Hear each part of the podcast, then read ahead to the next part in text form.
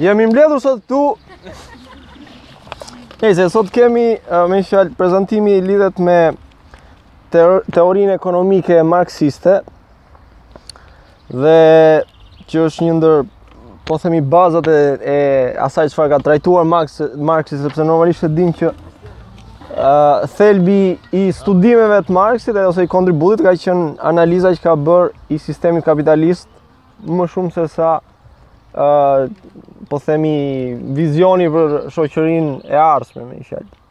Edhe në këtë aspekt uh, teoria ekonomike me me uh, bazë punën, si me thënë se vlera, është uh, Te kapitulli i parë, në qoftë se kapitalin e Marksit e marrim me tre kapitull, se në dy vëllimet e parë, duhet them, ose te vëllimi i parë, dy vëllimet e parë në variantin Shqip, ku janë 6 libra, dhe te vëllimi i parë, kur është uh, me tre libra, që është ky varianti, po themi, klasik, Dhe ndërmjet të majtëve ndodh, ndodh shpesh që lexojnë vetëm kapitullin e parë, pra teorinë e, e vlerës, edhe kështu që i anashkalojnë pjesë të tjera të rëndësishme të teorisë marksiste. Domethënë dhe kjo është një kritikë ndonjëherë që gjithçka të majtët me botëkuptim marksist e interpretojnë në në në këto termat e e teorisë ekonomike, si me thënë.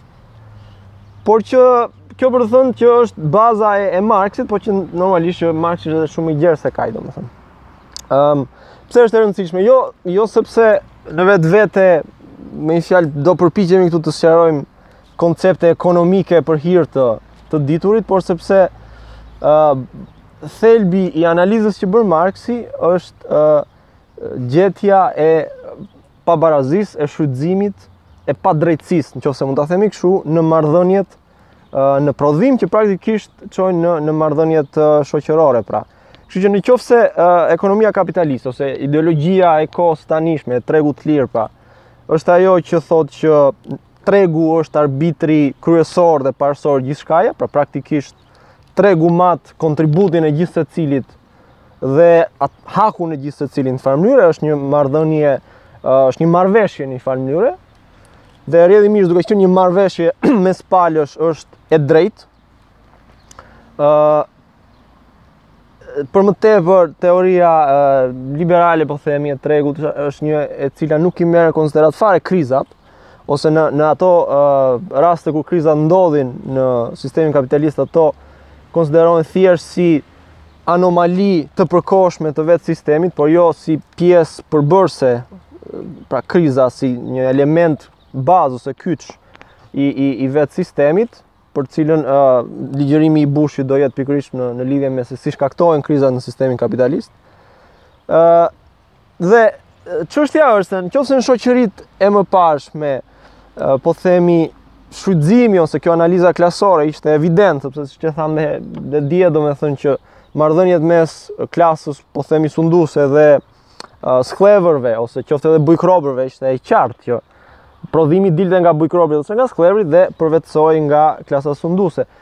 Ideologjia e, e kapitaliste është ajo që thotë që gjithçka pra është një një shkëmbim barazimtar dhe rrjedhimisht kjo është edhe rëndësia e teorisë marksiste që i hyn më thellë kësaj pune.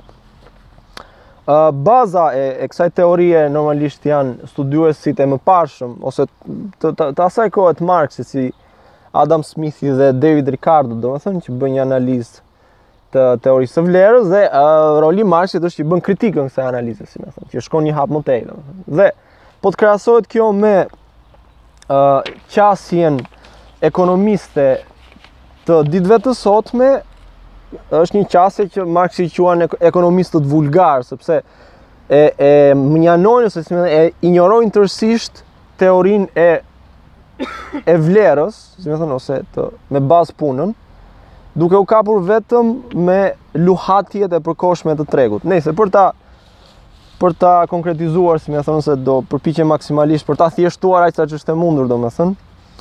ë uh, në vetvete termi ekonomi tani disa gjëra i kam marrë edhe nga libri i Varoufakisit, si të kujtoj. Termi ekonomi është do të thotë ikos dhe nomia do të thotë ligjet e shtëpisë. Dhe është një term që sigurisht ka lindur uh, shumë më herët.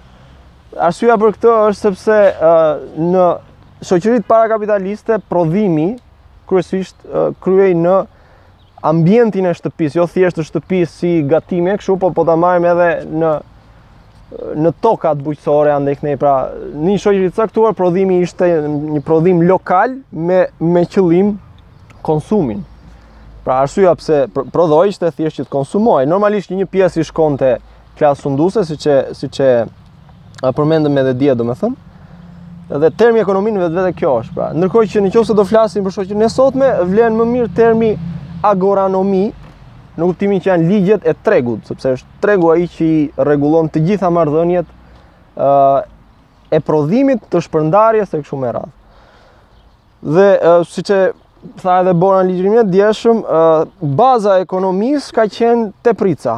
Domethënë, kur një shoqëri prodhonte dhe i duhej të linte një pjesë mënjanë për kohët që do të vinin, mënyra se si shpërndahej kjo, gjithçka tjetër përcaktonte edhe në radhë të parë ndarjen klasore, pra kush prodhonte dhe kush nuk prodhonte, po ama këta që nuk prodhonin, e justifikonin funksionin e tyre në shoqëri, në shtet po themi, në një farë strukture shtetërore si ata që praktikisht drejtonin, përcaktonin si si kryhej shpërndarja, që e mbronin ushtria, që jepnin legjitimitet, që ishte ë uh, po themi priftërinjtë ose ku di unë këta.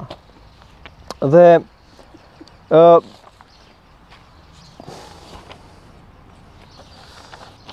pra, praktikisht pra kalohet nga një qasje e tillë e e organizimit shoqëror në ekonominë e cila tanimë në thelbin e saj ose në, në bazën e saj si me thënë ka uh, prodhimin me qëllim shkëmbimin dhe uh, termi për një produkt të tillë është mall pra malli në teorinë marksiste është një produkt i cili është prodhuar me qëllim jo konsumin e drejtpërdrejtë aty për atyshëm po me qëllim hedhjen e tij në treg ose shkëmbimin e tij në treg. Dhe malli është, si me thënë, thelbi i, i teorisë në kuptimin që në një shoqëri të tregut siç jemi te kjo e sotme, gjithçka është kthyer në mall. Dhe me gjithçka tani që ta konkretizojmë, mund të flasim për lëndën e parë, mund të flasim për mjetet e prodhimit, mund të flasim për uh, uh, tokën, dhe fuqia punëtore. Edhe fuqia punëtore pra është një mall i cili uh, blihet dhe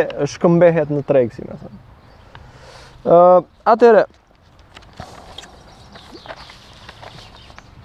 praktikisht pra uh, kur merremi me me konceptin e mallit, uh, Marksi thotë, bazuar edhe siç thashë te teoricienët e mëparshëm që uh, karakteristika e mallit është që ka dy vlera.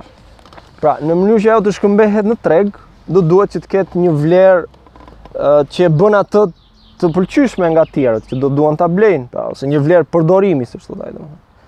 Ëh, uh, vlera e përdorimit është, nuk e di unë, këpucët janë për t'u veshur, ku di unë, një produkt i caktuar është për t'u konsumuar, pra duhet të ketë një një karakteristikë që e bën atë të të dashur, po ta themi kështu për ata që do ta blejnë.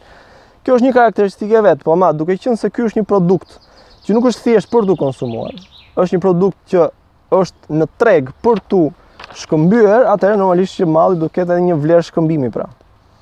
Dhe çështja është se kush e përcakton këtë vlerë këmbimi pra. Ëm um, Ate, në ekonominë, ose në teorinë liberale të të tregut, ideja e vlerës së këmbimit, e thënë ndryshe, ose barazohet me çmimin. Pra në qoftë se një produkt i caktuar një mall, ka një çmim të caktuar në treg, me, me cilin ai del, atëherë kjo është vlera e mallit. Dhe rrjedhimisht çmimi mund të luhatet, mund të rritet çmimi ose mund të ulet në varësi të kërkesës ose ofertës. Dhe shembulli tipik që marrin shembulli tipik që marrin këta liberalët është për u thotë që ti në qoftë se një shishe uji e shet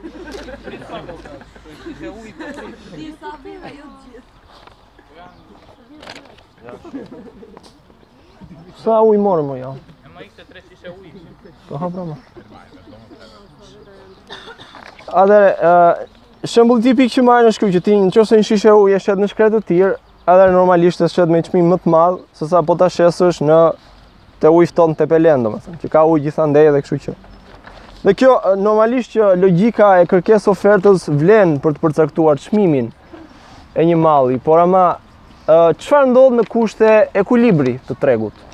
Pra që nuk ka një mungesë të theksuar të një malli të caktuar, ashtu siç nuk ka për shembull një bollëk të theksuar të këtij malli në treg. Po është relativisht çështje kushte ekuilibri ku dalim në treg dhe shkëmbejmë po themi kastraveca me domate.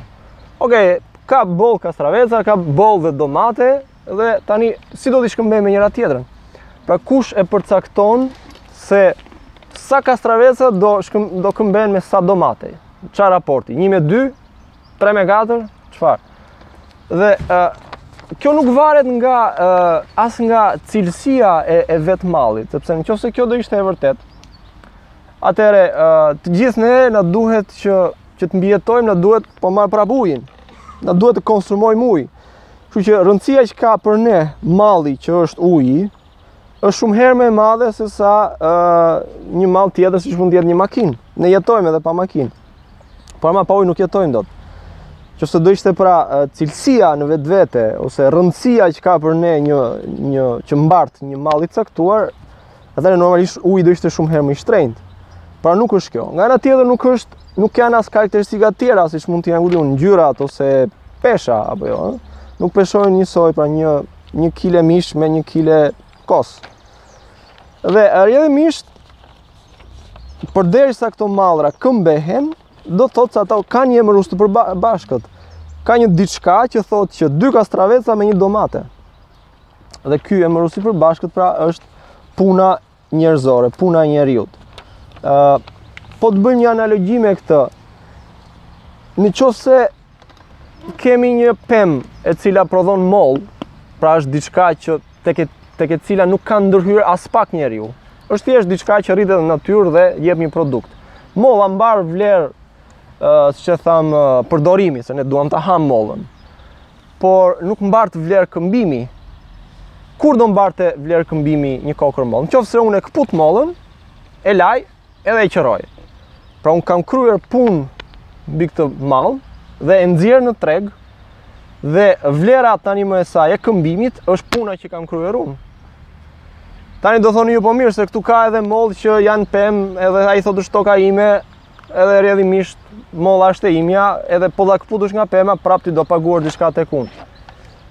Por, kjo ka të bëjë me atë që thashë pak më parë, që edhe vetë toka është kthyer, pra toka si tokë bujqësore, do të them, është kthyer në mall këmbimi, në formë, ka, ka pronar me pak fjalë. Dhe është interesante teoria e, e pronës së liberalëve, të John Stuart Millit për shembull, Sepse ok, normalisht para tij prona ishte diçka që trashëgohej, ishte diçka që varej nga, ku di unë, trashëguar brez për brezi, në varësi të, të drejtës hyjnore, që princi, ose, ku di unë, aristokrati e mbarte e trashëgonte, dhe rrjedhimisht kjo është toka ime. Por ama, në teorinë liberale, të cilët duan tani me kapërcimin nga feudalizmi, kapitalizmi, duan të justifikojnë pronësinë. Pse ti ke të drejtë mbi këtë pronë? Dhe teoria liberale thotë që ti ke të drejtë pronësie mbi një hapësirë të caktuar kur mbi të ti ke kryer punë. Në qoftë se ti këtë e merr një hapësirë dhe e transformon, atëherë kjo është prona jote. Nëse është toka e askujt dhe ti shkon aty dhe e kultivon, po themi ose nuk e di, atëherë kjo kthehet në pronën tënde. Pra edhe këtu vetë teoria e pronës është një teori që bazohet te puna transformuese e e njeriu. Ëh uh, dhe Lërim rrjedhimisht ëm si ta përcaktojmë punën, sepse çështja me punën që u shtrua dhe dje si pyetje është se si e mat. Dhe normalisht në qoftë se mua më duhen 2 orë për të qëruar një kokërr mollë, ndërkohë që sepse po e qëroj me dhëmbë, po themi. Ndërkohë që dikush tjetër ka një nga këto thikat që kanë dalë tani edhe e qëron për 30 sekonda, Atëherë, cila është puna që vlen më shumë? Puna ime, unë kam harxhuar dy orë, pra kam harxhuar më shumë punë për ta qëruar mollën. Por ama, përderisa dikush tjetër ka një teknologi më të avancuar, siç është thika, atëherë, puna ime nuk i jep më shumë vlerë mollës. Me pak fjalë, nuk është çështja se sa orë ka harxhuar secili për ta transformuar një produkt në mall. çështja, çështja logjika e punës është një logjikë e cila merr në konsideratë mjetet teknologjike më të avancuara për ta kryer një proces të caktuar pune dhe kjo quhet uh, puna shoqërisht e nevojshme. Pra në një shoqëri të caktuar uh, e cila stadi i vet i uh, avancimit teknologjisë është në një stad të caktuar, sa kohë pune duhet për ta transformuar një produkt në mall që më pas ta nxjerrë në treg. Ë? Nuk e din nëse është e qartë domethënë. Pra nuk është çështja që unë si këpucar prap dua dy orë punë që të bëj një palë këpucë, ndërkohë që në fabrikë ata bap bap bap për 10 minuta e bën një këpucë. Atëherë teknologjia e tyre është ajo çka e përcakton vlerën e këpucëve në treg. Sepse puna që kam harxhuar unë vërtet ia rrit vlerën, por është një vlerë e cila unë duke e nxjerr në treg, këpucët e mia do kushtojnë 10 herë më shumë se çda se çka do kushtojnë këpucët e nxjerra nga fabrika, sepse teknologjia e bën e mundëson një gjë të tillë që inputi ose puna njerëzore për prodhimin e tyre të jetë më e vogël. Rrjedhimisht vlera është më e vogël, rrjedhimisht çmimi është më i vogël. Sepse është që mbase është çik problematik termi vlerë në kuptimin se ne ndonjëherë e bëjmë krahasimin e vlerës si diçka ë uh, si një cilësi e njeriut, po themi, në përgjithësi, pra sa ça vlere ka diçka. Po çështja është se sa më e vogël të jetë vlera, aq më i vogël është çmimi dhe çmimi me të cilin del në treg pra. S'e di se sa e e ndiqni do.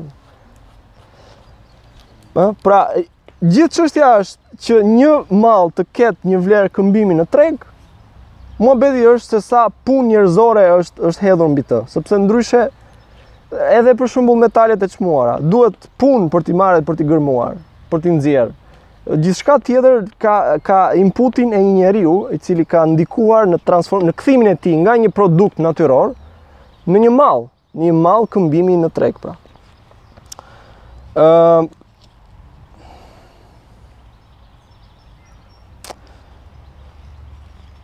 Tani, uh, në këtë marrëdhënien e në procesin e prodhimit të mallit dhe nxjerrjen e tij në treg, ë inputi që ka puna është ajo që kapitalistit pra i siguron fitimin.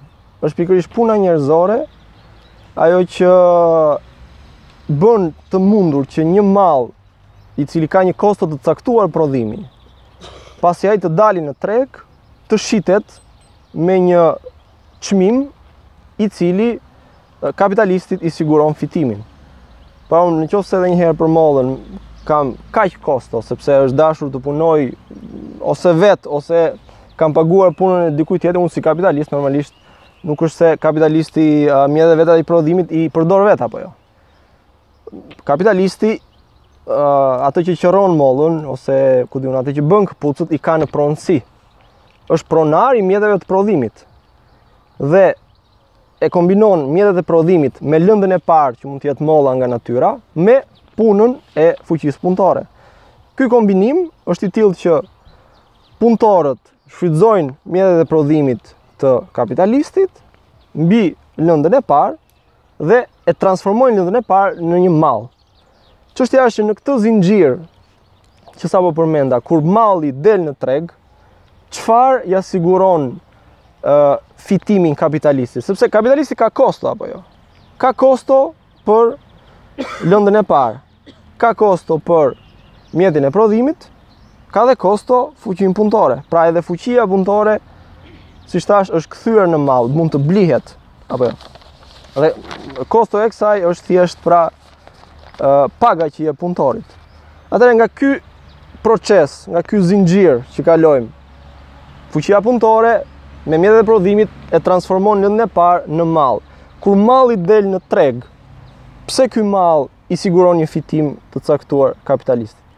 Thelbi i kësaj ose thelb baza e teorisë marksiste është që ë uh, fitimi sigurohet pikërisht sepse punëtori paguhet më pak se sa puna që kryen, se sa vlera uh, e vlera të cilën ai ia ka përçuar mallit. Pra në qoftë se punëtori punon 8 orë në ditë për, për të prodhuar një mall, pra ai pun, paguhet, po them kot, për 6 orë, paguhet për 4 orë të punës së tij. Të, të vlerës që punëtori i ka futur mallit. Dhe rrjedhimisht, kur ky mall shitet në treg, atëherë fitimi që merr kapitalisti është kostoja që ka paguar dhe një herë lëndën e parë, mjetet e prodhimit dhe pagën e punëtorit plus pjesa e pagës që nuk ia ka paguar punëtorit. Pra, kjo ideja e ekuilibrit ose barazisë së tregut, në qoftë se do ekzistonte një barazi e tillë, atëherë shkëmbimi, këmbimi i mallrave në vetvete do ishte barazimtar dhe nuk do dilte më fitim. Pra, në qoftë se ne të gjithë është teoria e ë mall para, mall. Të gjithë ne zakonisht pra kur shkojmë në treg, çfarë marrëdhëniesh kemi? Të gjithë ne në kuptimin kur s'je kapitalist, kur nuk ken kur je jashtë procesit të prodhimit kapitalist. Ë atëherë ne një mall e shesim në treg, shesim kastraveca po themi, fitojmë para, Pra mall para, edhe me këto para blejmë një mall tjetër. Në qoftë se ne na duhet që ë të hamë domate, por ama ne në shtëpi kemi vetëm kastraveca, kastravecat mallin e nxjerrim, i shesim, fitojmë para prej tyre dhe blejmë domate. Ndërkohë që kjo logjikë në prodhimin kapitalist përmbyset, sepse kapitalistit i duhet një sasi e caktuar parash, të cilën ta investojë në ç'kuptim, të blejë mjetet e prodhimit, të, të blejë lëndën e parë, të blejë dhe fuqinë punëtore, pra është paraja e para. Me këto para dhe me këtë investim ai siguron një mall të cilin duke e nxjerrë në treg dhe duke e shitur pra fiton një uh, sasi të caktuar parash, e cila është më e madhe se sa paratë që investoi. Pra kalohet nga mall, para, mall në skemën para, mall, më shumë para. Dhe gjithë uh, thelbi i funksionimit pra të uh, ekonomisë kapitaliste është ky. Pra shtysa uh, e çdo kapitalisti në thelb të vet është shtysa për nxjerrjen e më shumë parash. Kështu që pra po të shkojmë idesë se nga dalin këto para, dalin pikërisht pra nga puna e e papaguar, po ta themi kështu, e, e punëtorit. Dhe baza e kësaj teorie është kjo që jo vetëm se ë uh, punëtori paguhet më pak se ça e ka hakun. Pra në një farë mënyre është klasa e shfrytëzuar, megjithëse me një skemë më të sofistikuar se sa ajo e, e shoqërive të mëparshme. Pra jo vetëm që punëtorit i hahet haku në një farë mënyre, po në thelbin e vet, baza e çfarëdolloj vlere të shtuar në treg është puna e, e, e punëtorit. Dhe në qoftë se kjo ishte një teori e cila në Në fillimet e shekullit 19 ishte një teori e pranuar gjerësisht, pra teoria e punës me bazë e vlerës me bazë punën. Uh, filloi të kishte një një si me thënë një të, të ngjallte një problematikë me me karakter radikal, sepse në momentin që punëtorët ndërgjegjësohen që është puna e tyre ajo që i jep vlerë gjithçkaje që që është përreth. Dhe për më tepër kjo punë nuk paguhet sa e ka hakun e vet, se ndryshe kapitalisti do dilte jek e jek. në shkëmbimin në treg, atëherë kjo ka një një potencial radikal të të marrëdhënie në prodhime po them. Çfarë jemi duke bërë domethënë. Ëm um, E përmendi dhe një çik uh, Bora dje se si u bë e mundur në këtë shoqërinë uh, po themi të tregut, se si u bë e mundur kthimi i gjithçkaje në mall.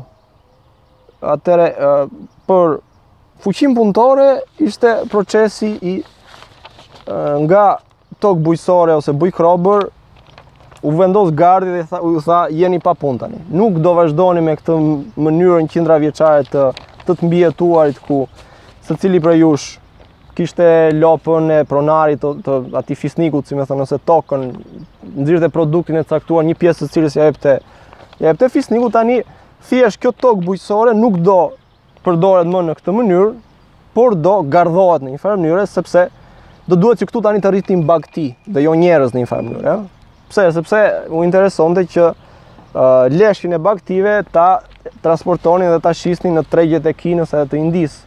Sepse çmimi që merrin prej andej ishte shumë i madh se sa puna e punëtorëve e bujkrobërve që mbillnin rrepa.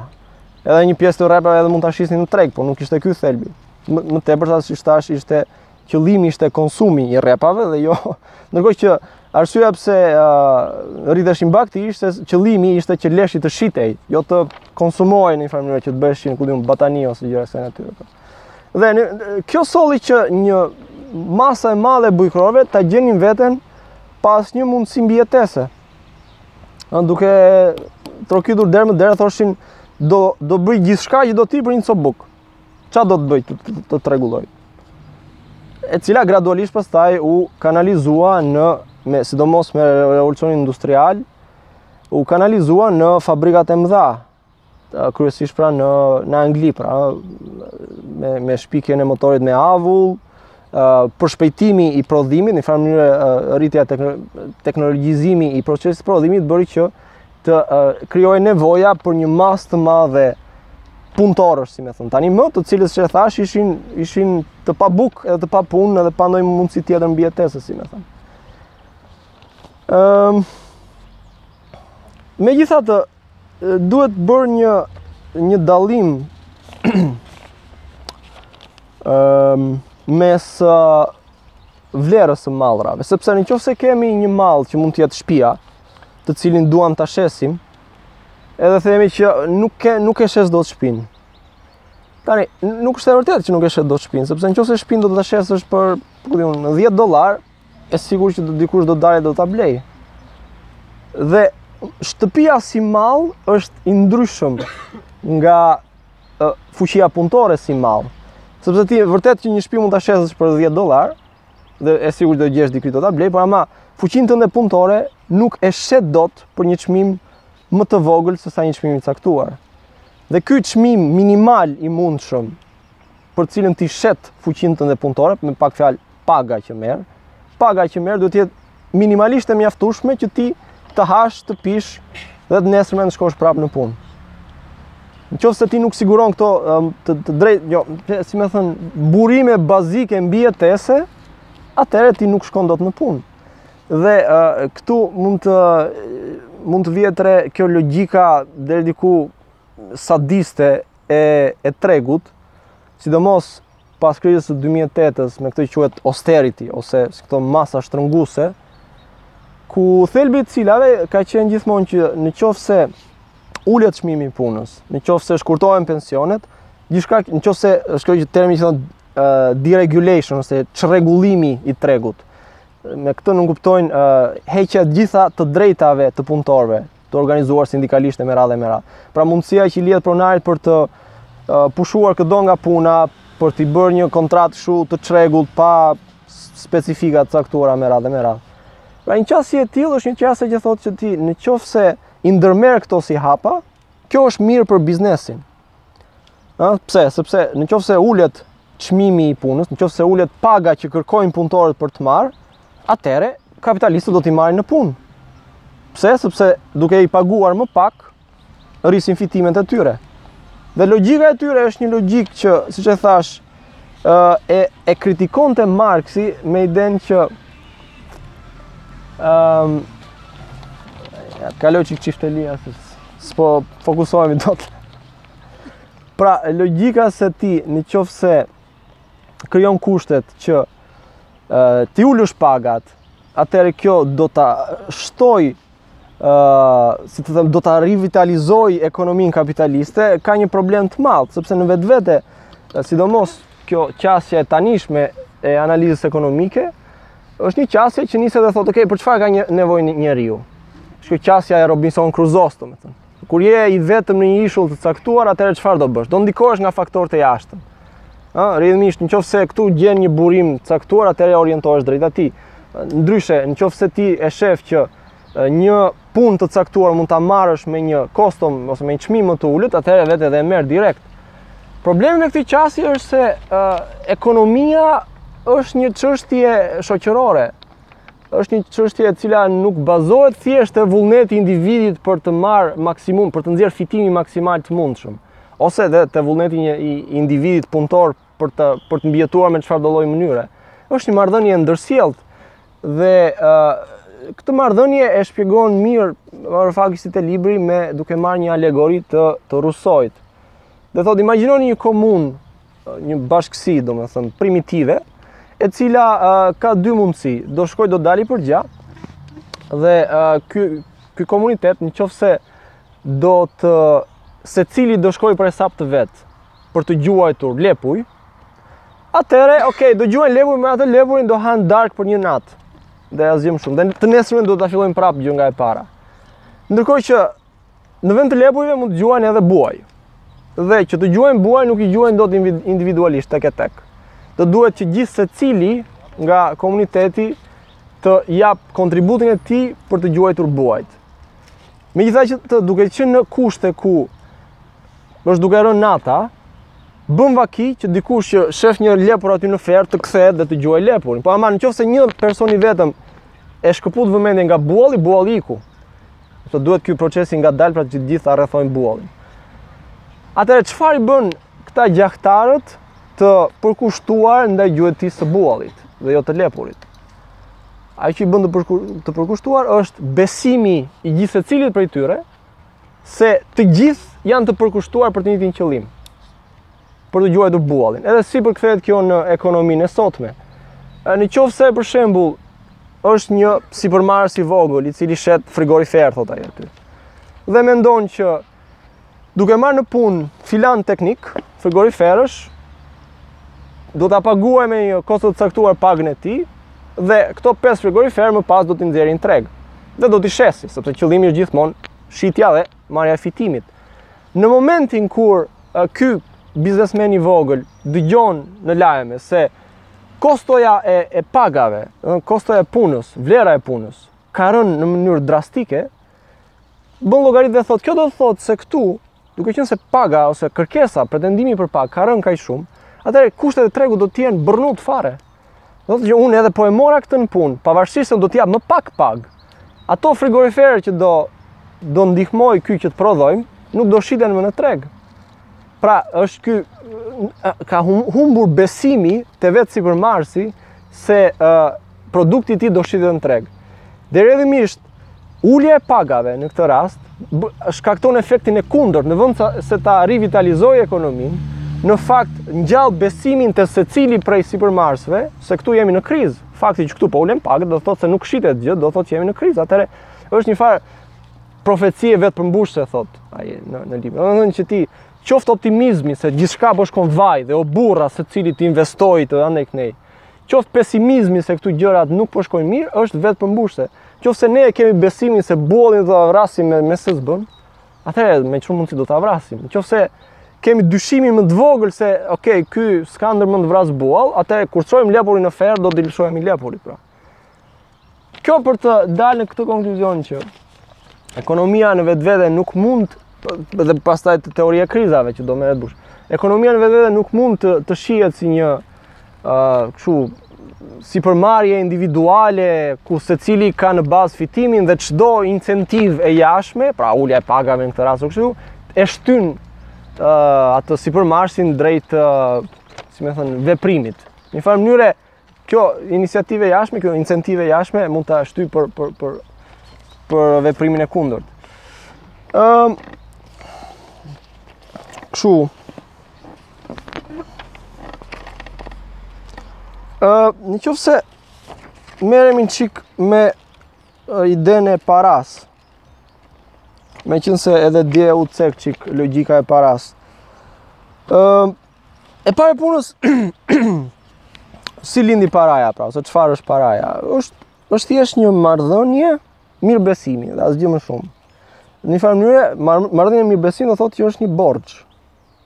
Kur ke një borxh me dikë, do të thotë se ti uh, ke mirëbesimin se ky borxh do të kthehet në një kohë të caktuar.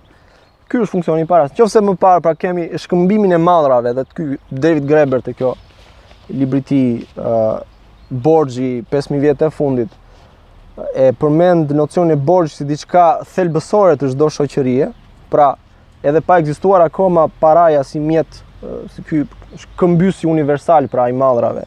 Në vetvete borxhi funksionon dhe në të tillë mënyrë që ti ë uh, të jepja unë ku di unë prapë 10 kile ose 2 kile kastraveca, pavarësisht se ti s'kishe domatet që unë kërkoja, po ruhej borxhi, pra unë e di që ti të kam borxh këto kastraveca dhe kur t'i kem domatet do t'i jap. Dhe kështu funksiononin shoqëritë, pa qenë nevoja edhe për për një monedhë ose një para të caktuar, dhe kur kishin edhe këto ciklet periodike ku një herë në ku në vit ose një herë në dy vjet, mblidheshin të gjithë dhe i zeronin borxhet e njëri-tjetrit. Ose kur thoshin shiko se ky më ka 2 kg borxh, ka sa ka 10 kg kastraveca, si ta shuajmë këtë borxh, e po hajt se po martohemi bashkë. Domethënë, kalamajt e mi me kalamajt e tu dhe kështu shuhej borxhi pra. Kështu që logjika e mirëbesimit te tjetri ka funksionuar ka funksionuar gjithmonë dhe në vetvete paratë e para të Egjiptit që njihen kanë qenë asgjë më tepër se sa ë uh, guaska mbi të cilat qe shënuar një numër. Pra, punëtori që punonte tokën, normalisht nuk e kishte nxjerrë akoma produktin, se sa, sa, sapo mbaroi lërimin e tokës. Atëherë, administratori, po themi, i jepte një guaskë me një numër. I thoshte ti ke punuar kaq dhe ty të takon çfarë ishte ky numër.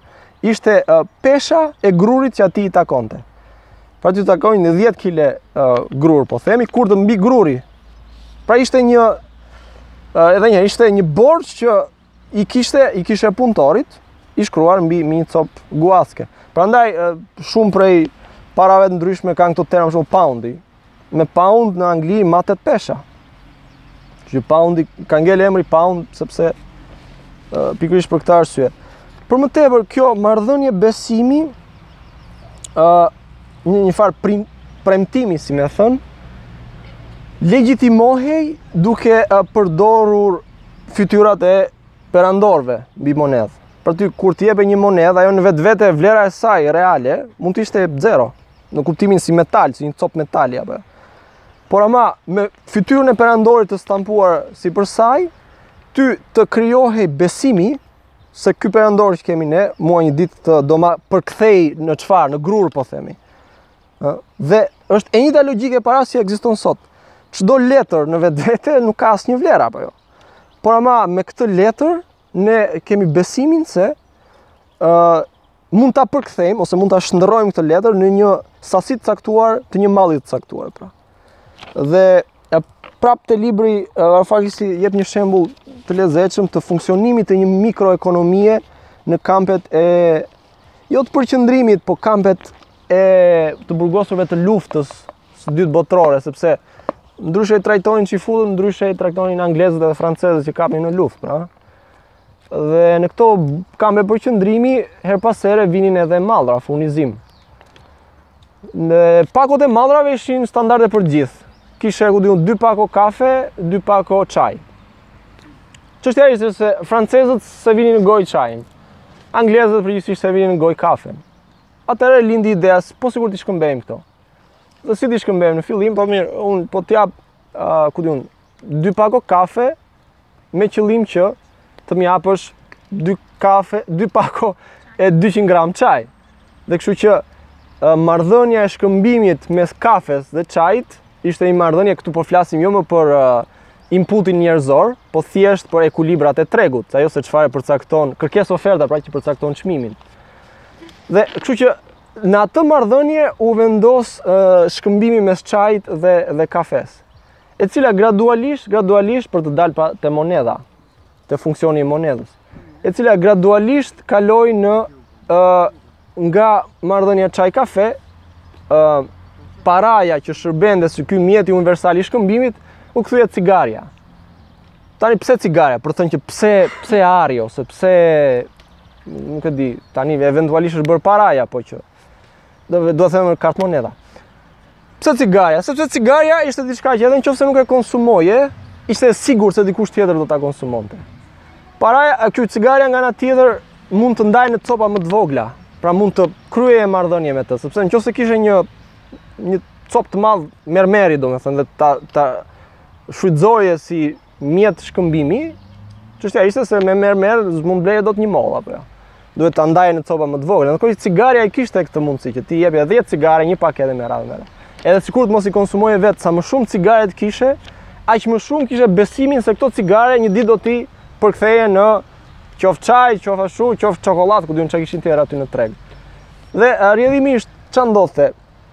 në momente kur lufta shkonte për dreq ose kur ndihmat ato mallrat që vinin në, në që vinin në burg, vinin edhe pakësoheshin, vlera e cigares, çmimi i cigares shkonte edhe rritej. Sepse tani ngaqë nuk ka më çokoladë për shembull, atëre duhen më shumë cigare për ta blerë këtë çokoladën. Ndërkohë që në në momentin kur vinin edhe dëgjoheshin bombardimet e aleatëve, atëherë gjithë këto cigare që ti je përpjekur me mund t'i akumulosh e t'i grumbullosh, e humbisnin vlerën. Do thoshe unë do dal nesër, do do prishet kjo mikroekonomia që kemi këtu. Edhe ça bëje, filloje të pije cigaret edhe nga stresi, domethënë. Edhe bën vaki që të nesërmen, s'pas kanë ardhur aleatët, edhe kështu që ke ngel me dy cigare prapë. Kjo që ideja e vlerës, e ose si me thënë, e vlerës në vete që ka paraja, është një vlerë e cila uh, është gjithmonë marrëdhënie besimi, do me thënë. Se sa ti vërtet beson se këtë gjënë mund ta transformosh në një mall të caktuar, në një kohë të caktuar në të ardhmen, pra. Dhe uh, pse pikërisht ari, për shembull, është, është ose metalet e bronzit e me radhë janë uh, përdorur si, si me thënë material për të printuar monedha. Pse jo lidhset e këpucëve, thotë ky në. Në libër, sepse lidhset e këpucëve në radhë të parë gjenden kudo. Nuk mund të jenë në një farë mënyre shpërblim për punën që ke bërë. Lidhset e këpucëve ke pa fund, ndërkohë që ari është një metal i cili nuk gjendet kudo.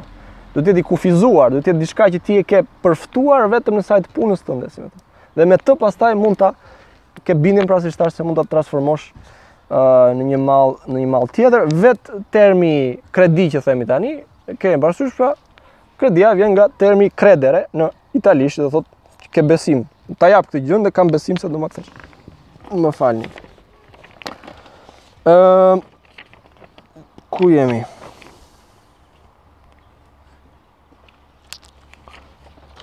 Shumë. Ha? Te kapitulli i parë.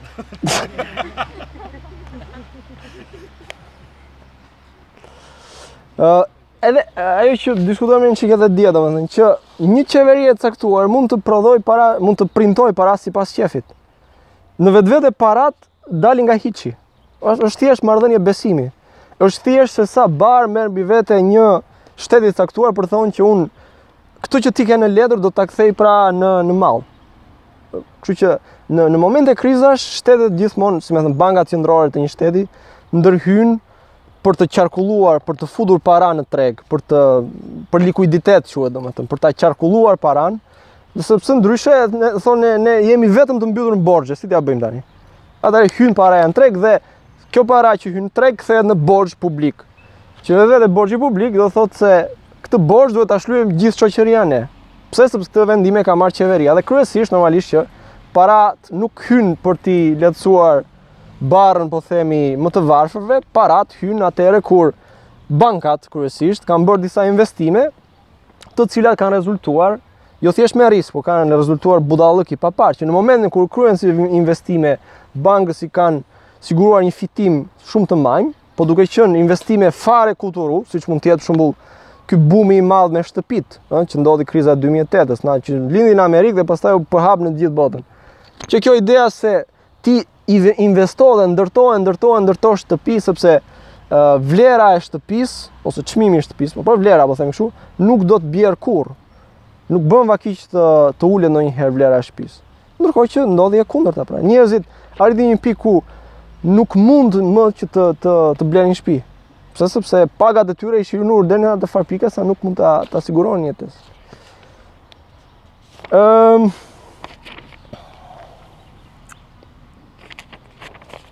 Këto i thamë. Uh, Ngelemi një çikë te ky uh, nocioni i, i uh, punës ose i vlerës së mallit e cila ka për bazë punën. Uh, po ta imaginojmë se për shembull ça implikimesh ka. Uh, Varoufakis në libër e përmend thotë për shembull fryma brenda makinës, në fakt, është si një far uh, në qoftë se doni fantazme që hyn brenda makinës në mënyrë që t'i japi vlerë mallit. Uh, Atëherë, në qoftë se tendenca e kapitalistëve për të rritur fitimet e tyre, është kjo që të tentoj gjithmonë që një mall, një këpuc që prodhohet me dy orë punë, këto dy orë punë ta shkurtoj gjithnjë më tepër. Pra në vetvete puna që kryen një punëtor nga 2 orë të bëhet 1 orë. Pse? Sepse duke pasur një vlerë më të vogël, atëherë çmimi në treg del më i vogël. Vlerë këmbimi gjithmonë, jo vlerë përdorimi. Vlera e përdorimit me zhvillim teknologjik përgjithsisht vjen duke u përmirësuar, vjen duke u rritur. Pra këpuca kur e pret dikush me dorë, mund të jetë me cepa, kur e pret makineria, cilësia e saj është rritur. Pra vlera e përdorimit është rritur, po ama vlera e këmbimit për shkak se nga 2 orë punë është kthyer në 1 orë punë, është zvogëluar. Dhe rrjedhimisht çmimi me të cilin ajo del në treg është i tillë që me konkurrentët e tjerë i tejkalon. Dhe rrjedhimisht i, i sjell fitime më të mëdha kapitalistit. Pra. Kështu që uh, tendenca gjithmonë e kapitalistit është që në një farë mënyre t'i revolucionarizojë mjetet e prodhimit, të shtyhet gjithmonë drejt teknologjizimit të procesit të prodhimit. Por dallimi mes ose çfarë çfarë sjell kjo? Sjell që inputi njerëzor në procesin e prodhimit vjen gjithmonë duke u zvogëluar. Sa më shumë zvogëlohet ndikimi njerëzor në prodhim, aq më shumë i ulet vlera.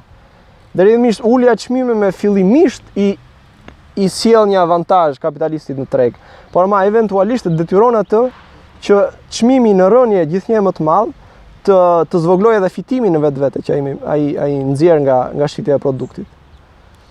Ë uh, dhe vjen një moment kur në qoftë se puna e njeriut ose si me thënë njeriu si faktor në procesin e prodhimit përjashtohet praktikisht, pra ose vjen një moment dhe nxirret jashtë këtij procesi prodhimi, atëherë mallrat në vetvete nuk kanë më vlerë. Nuk kanë më vlerë këmbimi në treg. Që do thotë se uh, fitimi që nxjerr kapitalisti shkon drejt zeros. Po.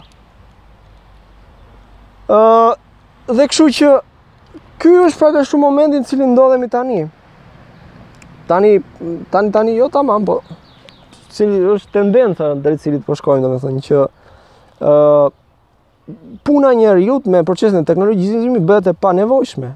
Dhe siç thashë dallimi mes robotit që e kryen punën ose që prodhon mallin dhe njeriut është fare i thjeshtë sepse njeriu e riciklon pagën e vet. Pagën e vet e merr me qëllim që ta shpenzojë e, e hedh prapë në treg. Kurse roboti një punë të caktuar e bën edhe nuk nuk ka më. Atëherë në qoftë se në qoftë se njeriu nxirret nga procesi i prodhimit, atëherë kush do t'i blejë këto mallra dhe me çfarë do t'i blejë këto mallra.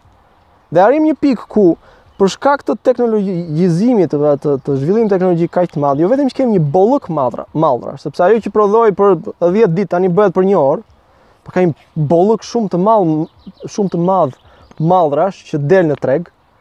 Por, duke qenë se njeriu gjithnjë më tepër përjashtohet nga procesi i prodhimit, atëherë kush do t'i blejë këto mallra?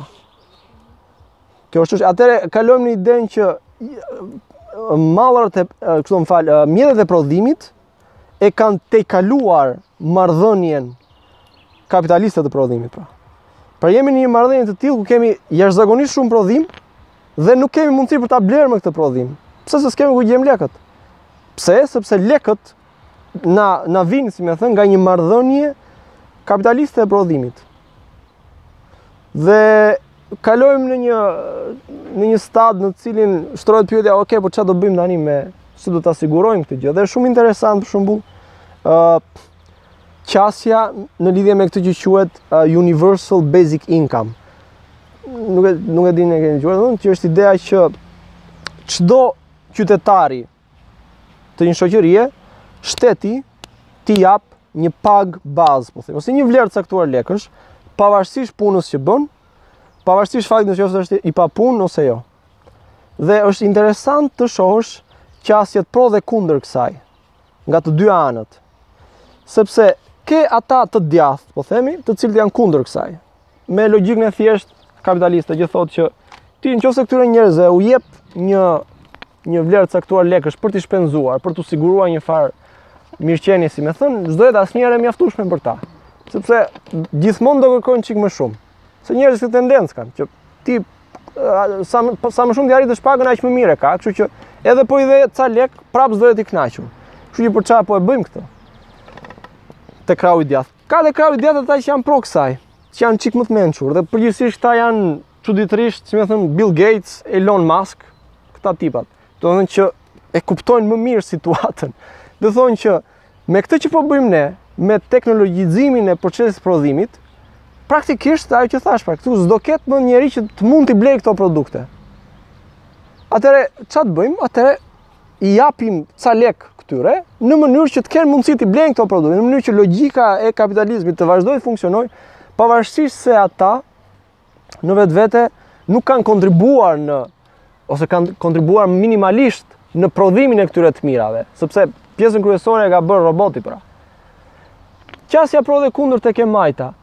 Qasja pro normalisht është ajo qasje që thotë, përderisa uh, edhe në vetvete Google-i edhe Elon Musk-u e të gjitha, produkti i punës së tyre është një produkt që pavarësisht teknologjizimit është krijuar shoqërisht, pra është krijuar nga kjo puna e përbashkët, që thashë pra. Atëherë, rrjedhimisht një pjesë e fitimit të tyre Duhet t'i shpërndahet shoqërisë pra. Nga Google-i, si, si nxjerr fitimet Google-i? Google-i nxjerr fitime me çdo klikim. Pra çdo klikim që bëjmë ne në Google, i jep para Google-it.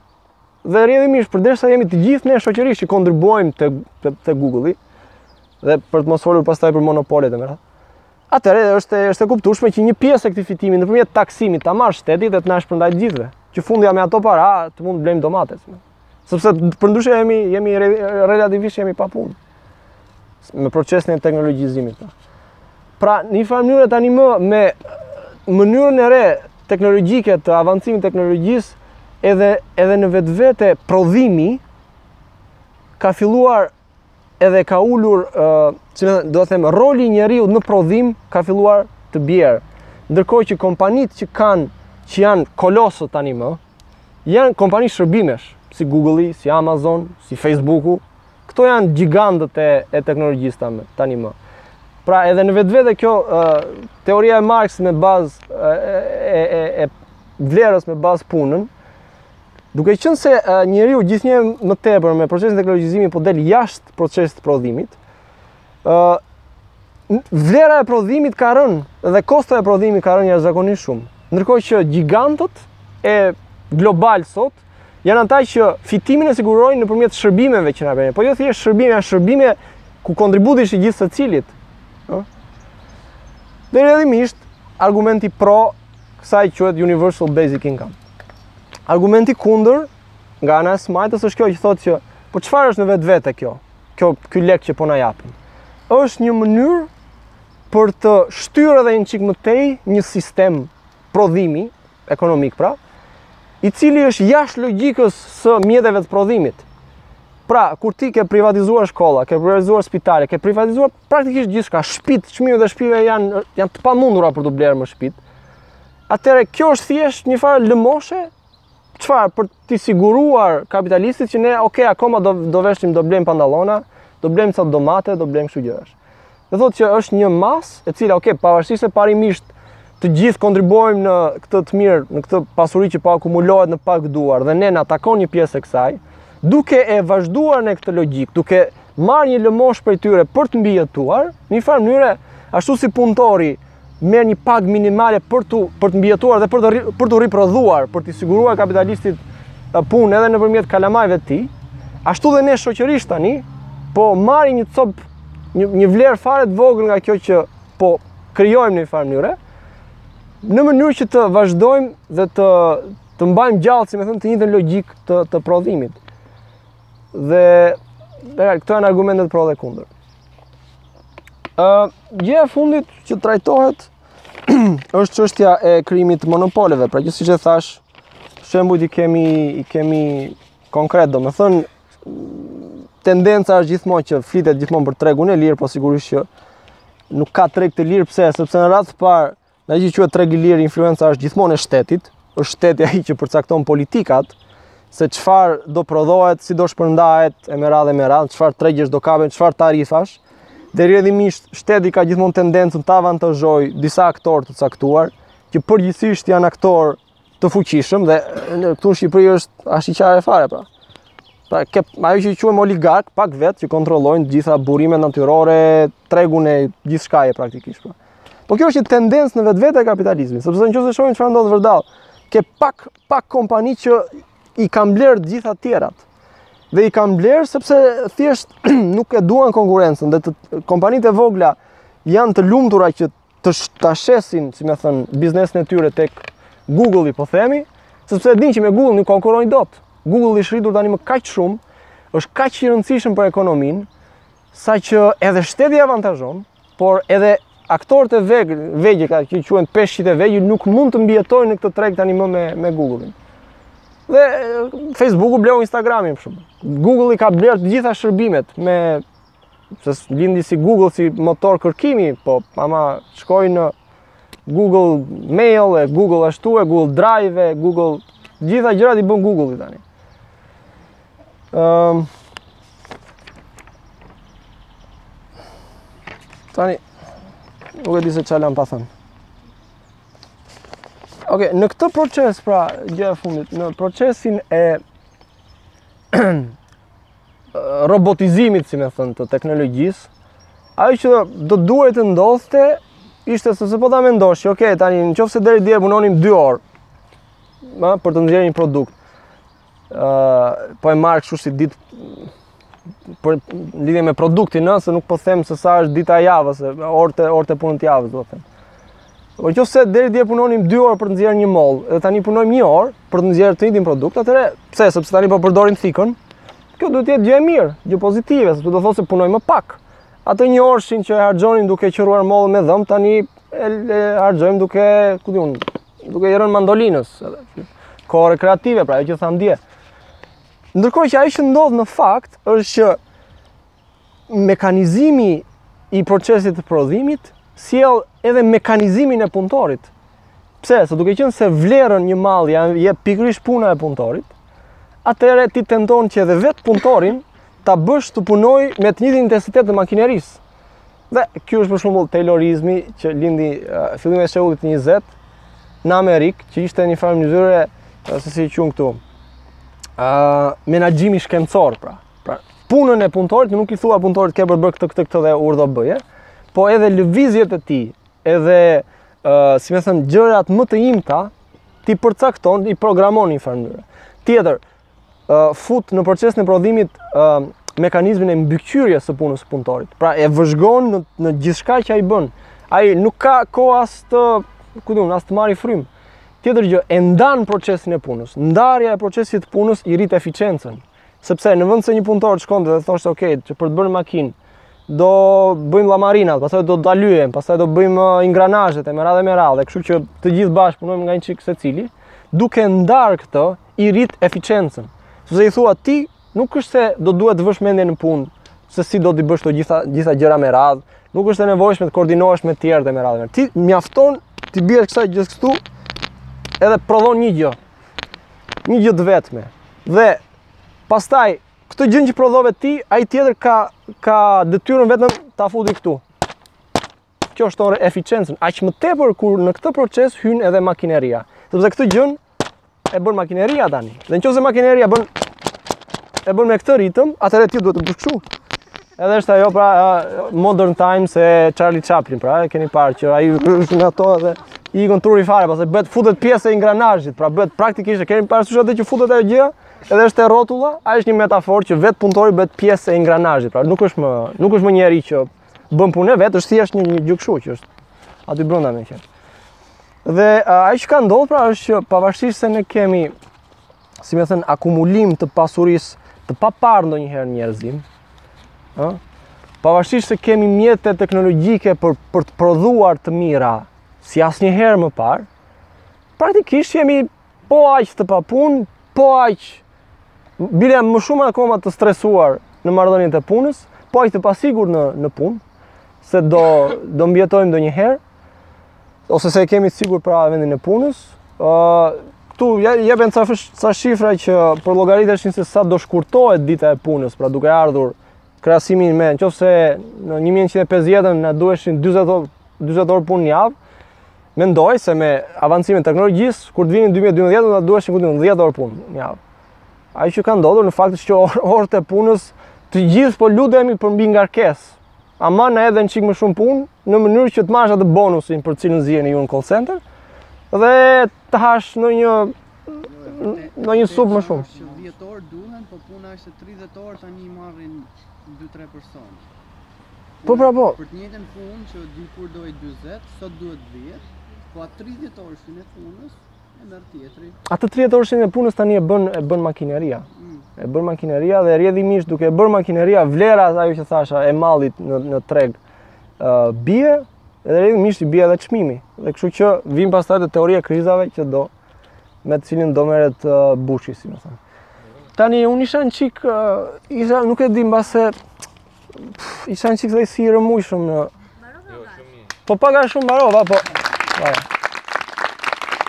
Po janë, besoj se janë gjëra që mund të mund të sqarohen vetëm nëpërmjet diskutimit se me një ligjërim të vetëm Kam një dy gjë. Po. E para që ça ça e shtyn pronarin që edhe pse mund ça e shtyn pronarin që edhe pse mund të ketë akumuluar atë shumë kapital, domethënë ai që mund të ketë siguruar edhe disa breza pas tij, që të akumulojë përsëri më tepër kapital Për vetën do të E shtyn konkurrenca. Ajo që thanë domethënë që peshku i madh e ha të voglin, ti në qoftë se ngelesh mbrapa, shiko, konkurrenca ç'do thotë, mënjanë, do thotë që ti duke qenë se uh, bëhesh aktor më i vogël, ose ke më pak para për investim, krahasuar me dikë tjetër që deri, deri dje ishit të barabartë, ai tjetri, mund të të kapi tregun në njëfarë mënyre. Ë uh, nuk është çështje thjesht e parasë, nga ana tjetër. Ë uh, të shtyn ajo gjë që në qoftë se ti në mënyrë konstante nuk e përmirëson procesin e prodhimit, nuk e teknologjinë nuk e revolucionarizon në njëfarë mënyre, atëherë malli që nxjerr ti në treg ka një kosto më të lartë, ka çmim më të lartë dhe s'e blen më njeri. dhe s'e bën dot mirë atë këpucë që prodhoje deri dje, si ai tjetri. Se ai tjetri tani e bën kështu dhe e bën shumë më mirë se ty. Dhe rrjedhimisht që nuk është çështje parash, është çështje që ok, unë kam ngritur një biznes që këto biznese përgjithsisht mund të arrijnë në përmasat e perandorisë. Në qoftë se unë se je rritur kaq shumë, më thotë ç'i do lekët më vëlla. Në qoftë se unë harroj një moment dhe nuk e hedh hapin, nuk tentoj të kap tregje të reja, ta të përmirësoj teknologjinë e prodhimit, e bën ai tjetri. Dhe rrjedhimisht unë dal jashtë loje. Dal si, si një perandori e madhe, produkti i të cilit s'hyn më në punë. Si, si po bien për shembull çmimet e telefonave kështu, pikiatë komplet. Dhe në çdo produkt të ri që del, ka një, një budallik të ri që s'e kishte ai i pari. është, është kjo tendenca gjithmonë, që duke, siç thashë, është teknologjizuar prodhimi, bie çmimi i produktit, por ama gjatë gjithë kohës dikush duhet të të të vazhdojë të mbajë një hap. Shembull ku i ke sot Nokia-t? Ku i ke Motorola-t? Ku i ke kanë dalë jashtë tregut? Sepse i kanë gllaburuar teknologjinë e tyre, i ka gllaburuar smartphone-i në një mënyrë. Dhe është dhe gjë jashtë testë. Kanë dalë jashtë loje. Pse nuk pse ta do mendja ty që ai prodhonte Motorola, nuk ishte super i pasur. Ishte super i pasur, por ama teknologjia që ai nxirrte në treg doli jashtë loje, u bë demode. Ose do ta shiste biznesin e vet dhe do jetonte i lumtur me paratë e veta, okay. Por për aq kohë sa je kapitalist, do tentosh gjatë gjithë kohës që Motorolën ta kthesh në smartphone. Po s'e ktheve dot, lëre. Pra nuk është çështja se sa lekë kam për të plotësuar dëshirat e mia sado më ekstravagante të jenë. Është çështja që për aq kohë sa je në lojë, duhet që gjatë gjithë kohës të, të... prandaj Marksi thotë që nuk janë thjesht punëtorët ata që janë të të të mbërthyer në këtë proces prodhimi nga i cili nuk nuk janë edhe kapitalistët, edhe është sistemi i tillë që detyron ty o të jesh kapitalist, ose të biesh në në rangun e punëtorit. Pastaj se sa pasuri ke, okay, dhe si mund të jetosh me atë pasuri. Edhe edhe tjetra që është e ngjashme me këtë ë ë në dy kompani që kanë po të njëjtat kushte, po të njëjtët punëtorë, edhe prodhojnë po të njëjtën gjë, si është e mundur që për shembull ë vetëm njëra kompani nga ato ka vetëm atë emrin, atë firmën që ia vendos atij produktit, edhe ajo mund të kushtojë diku te 300 ose 400 Mijë lekë më shtrenjtë se po i njëjti produkt po që s'e ka këtë emrin. Po mirë pra... Cila është nevoja... Cila është nevoja pastaj që ai, domethënë, tash, edhe ta shfrytëzojë punëtorin, pasi që me gjithë atë përfitim që ka, se ai, ai i mbijeton tregut, ai edhe e shet po atë produkt, thjesht nga emri që ka dhe ajo kompania. Po, shiko, emri, emri lidhet me atë që thamë që ti, si kapitalist, vendos pronësinë tënde mbi gjithçka. Tani logo ka edhe edhe një lloj misri i caktuar të thotë ky. Nëse ti i bën një ndryshim gjenetik misrit dhe nxjerr një produkt që është fare i ngjashëm po i, i reziston çik më shumë motit, atëre askush tjetër nuk mund të mbjellë këtë produktin tënd më shumë se sa një herë për të cilin ai ka paguar dhe këtu vlen marka sepse ti i ke vënë të drejtat e pronësisë një produkti të caktuar. Dhe kushdo që e shfrytëzon këtë produkt duhet të paguajë ty si me thënë. Një çik si me atë muhabetin e shpikjes së djeshme domethënë. Por ë uh, gjithsesi që ti po, po kjo është renta apo jo? Kjo është ajo që ti me fjalë shet emrin. Por në qoftë se do duhet që të prodhosh diçka, atëre prodhimi detyrimisht ka nevojë për punën njerëzore pra. që ajo gjëja që ti nxjerr të ketë vlerë. Pra ose shet emrin dhe thua që unë të siguroj këtë gjë. Nuk e s'po e themi, pa thuaj ti. Shiko, jo po mendoja diçka, dallimi midis vlerës së këmbimit dhe çmimit. Ë uh, vlera e këmbimit të mallit është sasia e orëve të punës shoqërisht të domosdoshme që kanë hyrë në prodhimin e atij malli. Mi po mori Redi shembullin e Motorola-s. Mijëra orë pune për të prodhuar celular. E hodhi në treg ka dalë njëri konkurrent që ka prodhuar smartphone. Motorola, megjithëse vlerën e këmbimit mund ta kishte 300 dollarë, si rezultat i kolapsit dhe falimentimit, çmimin e çon 15 dollarë, domethënë. Tani, në këtë kuptim, kemi një disbalancë midis çmimit që e shet në treg dhe vlerës së këmbimit. Sepse vlera e këmbimit përputhet me çmimin vetëm në kushtet e konkurrencës së përsosur, domethënë. Ndërkohë që dhe konkurrencës së përsosur në kuptimin që askush nuk falimenton, domethënë, kemi 10 vetë që konkurrojnë dhe janë të gjithë në të njëjtin si të thuash nivel. Po në momentin që njëri prej tyre ka prodhuar një gjë më keq se të tjerët, atëherë është i detyruar ta shesë nën kosto, domethënë ta shesë me humbje. Në këtë kuptim çmimi këtu do jetë më i ulët se sa vlera e prodhimit. Jo vlera e këmbimit, nga ana tjetër mund të jetë dhe e kundërta, edhe është rasti që shpreh Aroni. Domethënë, ë Ti e shet diçka më shumë se vlera e këmbimit që ka ajo. Pra më shumë se orët shoqërisht të domosdoshme që janë dashur. Dhe këtu shkojmë për arsye subjektive, domethënë ti e zëmë 10 herët e para ke prodhuar ku di unë bluza shumë të mira, e ke krijuar besimin në një farë kuptimi, kështu që kur prodhon një bluzë të njëmbëdhjetë. Njëlloj si tjetri, ai vjen ta blejë te ty më shumë ngaqë ka besimin. Pra, këtu konkurrenti yt e shet me ka çmim të barabartë me vlerën e këmbimit, kurse ti e shet me një çmim më të lartë se sa vlera e këmbimit. Ka gjëra pastaj që nuk ku nuk hyn fare sasia e orëve të punës për t'u prodhuar, që nuk janë fare nuk janë të konkurrueshme, nuk janë të krahasueshme. Ideja është, nëse do shitej Gioconda në ankand, Kjo do përkthehej në sasinë e orëve të punës që janë dashur, ku di unë, kush e ka bërë më? Da Vinci, Da Vinci ah, për ta Ta është të çokollatat. Do të qëka bëtë Da Vinci. Mona Lisa. A do, a do ketë mundësi krahasimi? Apo është një gjë unike? Që në moment që është gjë unike, nuk është e krahasueshme. Se vlerë këmbimi ose çmim kanë vetëm gjërat e krahasueshme. Unë duhen 10 orë për të bërë këpucë, ty të duhen 10, duhen 10 orë për të bërë këpucë, edhe këpucë janë domethënë, kuptimin. Të Edhe në mos qofshin njëlloj janë gjithsesi të krahasueshme. Hm? mund të ketë qoftë se janë kështu, këta piktorët e rrugës që thotë për gjysmë ore unë të bëj portret, edhe ka 20 të tillë që janë rreshtuar aty, këtu po ka ka çmim që bazohet tek sasia e orëve të punës.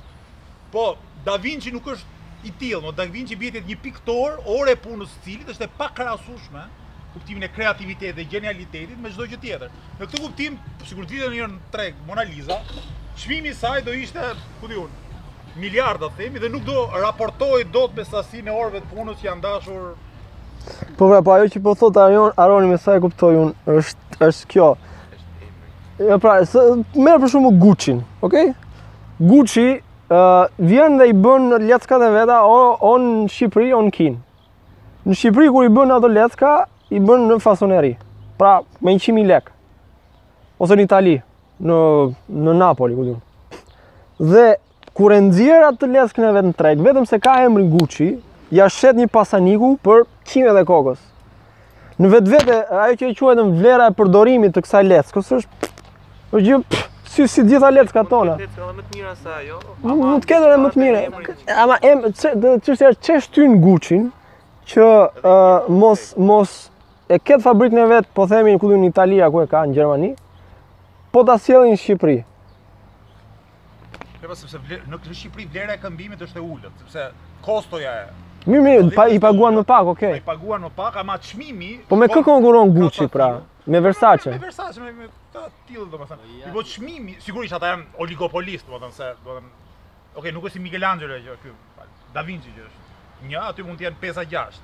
Mirpo kanë krijuar një reputacion të tillë, është si puna e bluzave. Ti e bën një bluzë, kushton 10 dollarë. Ama po e firmosi Messi sipër, ë shkon 500 dollarë. Po Messi nuk është se bëri ndonjë gjë të madhe këtu, në kuptimin nuk e llogari dot orën e punës. Edhe këtu çmimi është subjektiv, domethënë nuk reflekton vlerën e prodhimit të mallit në fjalë. Jo e kam nga Messi, e kam fiksim si Messi një ka, nuk bën, nuk gjejmë dot një tjetër që po e firmosi të ketë vlerë të njëjtë. Po mirë pra, po uh, justifikimi pse ai vjen në Shqipëri dhe nuk e mban fabrikën në Gjermani është po prap konkurrenca. Po konkurrenca po po po. po. Pavarësisht jo, se po, çmimi ka çmim më të lartë. Po po, pavarësisht se njëjtë në cilësi domethënë. Mhm. Duhet të kuptojmë pak diçka, markat i di Naroni më mirë Gucci, po janë disa marka super të shtrenjta në në Angli.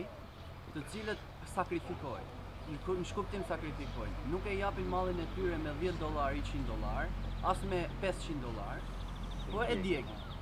Pra, në momentin kur malli ka ngel stok, nuk e japin më lirë, për të thënë që, ore, se pastaj bën bujë kjo hallë, tjetri e blen 5.000 dollarë një çantë, edhe nesër ti nga kriza jote, bie dhe ja shet 500. Del tjetri në rrugë, edhe thotë, unë thotë e bleva 5.000, ti e bleve 500. Edhe ky nuk shkon, humbet besimin në treg. Pra kjo markë, humbet Gucci, humbet besimin në treg. Prandaj Gucci është i detyruar t'i mbajë stok dhe në momentin kur i zihet fabrika dhe s'ka ku me çu stokun, është i detyruar ta djegi se sa ta shesë nën çmimin e krijuar dhe kjo është sakrificë që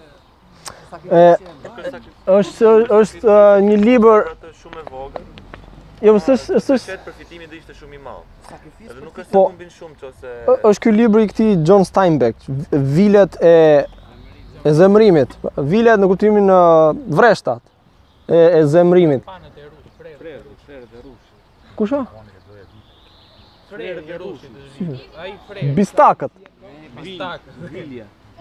Viljet e e zemërimit, pra, që përshkruan këtë krizën e viteve 20 në Amerikë, ku pavarësisht se për shkak të krizës, pra njerëzit e kishin me gjithme nuk kishin gjë as bukë për të ngrënë.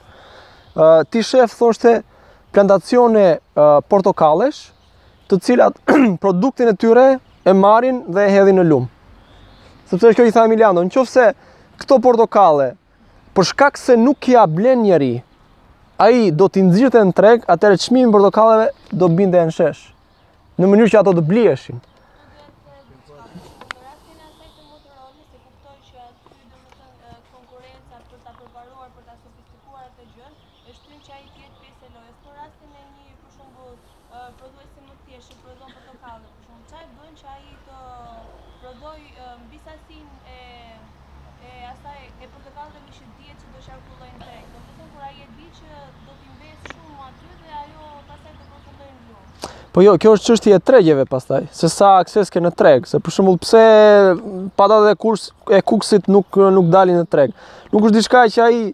e bën qëllimisht. Ai e nxjerr në e nxjerr e prodhon një mall në mënyrë që ta shesi. Çështja është se sa mundësi ka ta shesë, sa sa akses në treg ka. Dhe kjo pastaj përcaktohet nga shumë faktorë. Një nga mundësia e transportit nga fshati në në treg. Dy nga konkurrenca sidomos. Në qoftë se ne ham patatet e maqedonasit, pse? Sepse kshu kemi marrëveshje filani që ia mundëson shteti jonë. Nuk i vendos po themi tarifë maqedonasit dhe thotë që jo, do ham patatet e këtu e Kuksit ne dhe uh, autostradën e kemi bërë jo që të uh, vëjë Kastrati atë gardhin, po e kemi bërë që patatet e Kuksit të vijnë Tiranë. Jo, ne i vëmë gardhin, ë? Pra është se sa mundësi ke në treg ti për ta nxjerrë produktin, sa sa aftësi ke për ta kapur tregun, si i them. Dhe normalisht tendenca është që ti kur vjen një moment që rritesh, rritesh, rritesh dhe nga portokalle, pastaj ke njëfarë kapitali ti kalon nga portokalle, kalon në ndërtim. Thotë, në vend se të vazhdoj të prodhoj portokalle, ose pse për shembull Zamir Mane thotë, unë nuk ndërtoj më. Sepse, thotë, në Tiranë, thotë, po të vazhdoj me ndërtime, nuk i blen më njeri. Atëherë nga, nga ndërtimet të vete te sheqeri. Ka treg për sheqer, thotë, unë kështu që luaj me investimet, i, i përhap, i diversifikoj, dhe prandaj njeri, për shembull, s'ka vetëm thjesht një treg, s'ka vetëm ndërtimet, ka edhe sidomos këtë tregtinë e mallrave të ndryshme me fjalë. Sepse shtrihet. Po askush nuk prodhon, si me thënë, me qëllimisht më shumë kur e di që ai produkt nuk, nuk do shitet. Ata kuksianët kanë tokat, i kultivojnë me shpresën se do t'i shesin, se ata po vdesin për bukë. Kuksi është qyteti më i varfër në, në Evropë. Po, aksesi që ata kanë në treg është shumë i kufizuar. Ky. Jo, është edhe kapitalisti që gjithmonë është ai kapitalisti që gjithmonë don të prodhojë më shumë e më shumë e më shumë. E bën një log logjikë racionale që unë deri diku mund të prodhoj, po ama ai thotë, unë nuk du që uh, malli im të mungojë në treg. Pra prandaj e bën një farë llogarie që të disi të të ketë të ketë më shumë, të ketë më shumë treg uh, mall. Po ka ka dhe një qasje tjetër. Jek e jek nuk mund dalë asnjëherë të dalë barazim kokrra po, portokallit fundit u shit domethënë dhe u mbyll çdo gjë. Nuk është se mbetet jek e jek. Gjithmonë do të ketë ose mungesë ose deri ku diku tepricë. Gjithë çështja është mos të ketë shumë tepricë, mos të ketë shumë mungesë. Dhe edhe kjo këtë bën llogaritën, pa po ama duhet kuptojmë që ai don vetëm maksimizimin e fitimeve. Dhe vetëm jam mënyrë për me maksimizu fitimet, është që malli të mos mungojë në treg. është dhe diçka tjetër këtu. është një tendencë, për shembul, që uh, gjithmonë produkti në raftin e një supermarketi, të jetë me bollëk, sepse në qoftë se ka ngelur uh, 4 kokrat e fundit të mollëve, S'vete t'i marrë njeri se thotë aha, janë marrë gjithë të mirat. Pavarësisht se ato njësoj janë, po po ta vini re. Dikur kishte edhe mollë të krimbura dhe mollë të deformuara kështu dhe ishin shumë të shijshme. Tani janë të gjitha jashtëzakonisht shumë të bukura, të gjitha një formë, një prerje, të gjitha asnjë e kalbur. Pa shije fare. Por ama, në qoftë se janë tre mollë të fundit, asnjë s'i blen.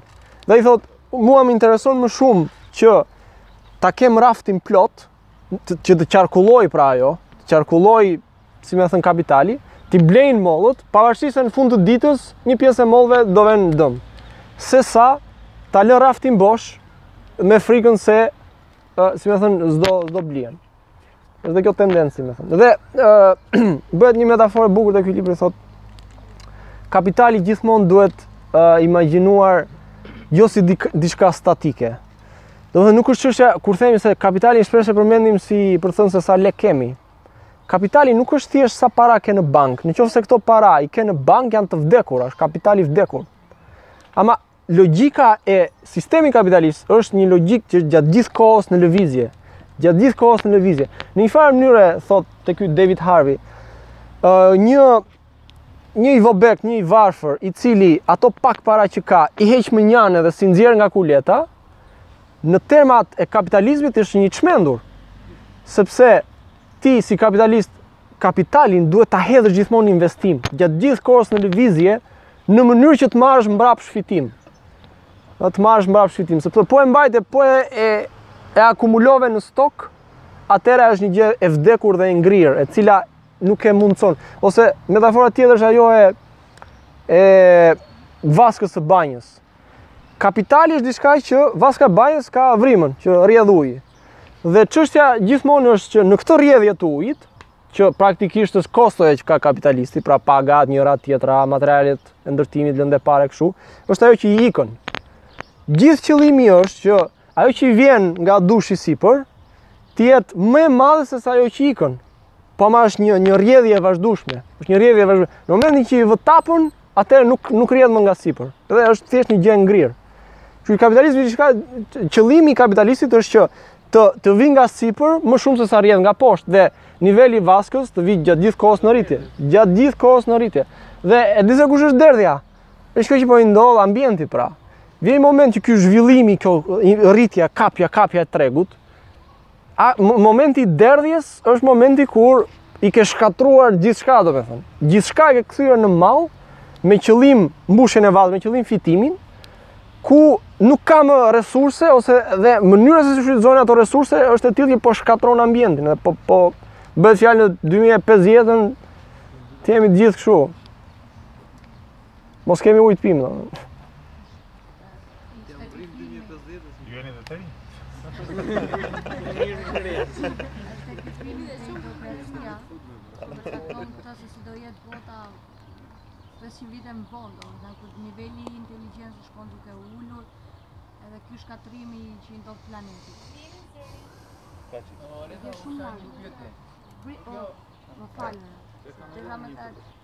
Se si tjetërsohet, domethënë si arrin me, me, me u akumulu kapitali dhe me u investu diku tjetër, është edhe tek çështja e shërbimeve dhe prodhimeve.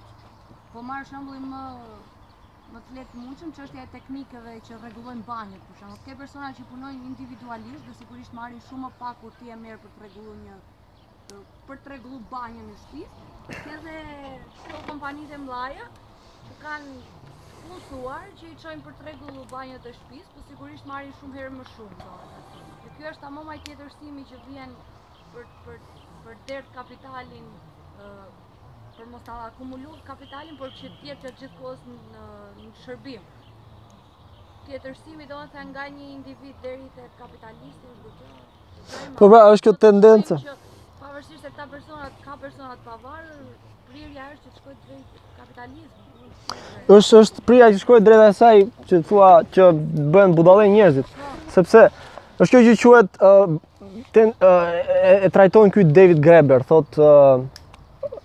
fenomeni i këtyre që quhen bullshit jobs, do të thotë punë kot, punë kot fare. Në në në tendencë ka kapitalizmi që punët t'i kryejë gjithnjë më tepër makineria, atëherë edhe ça do bëjmë ne të tjerët që jemi pa punë?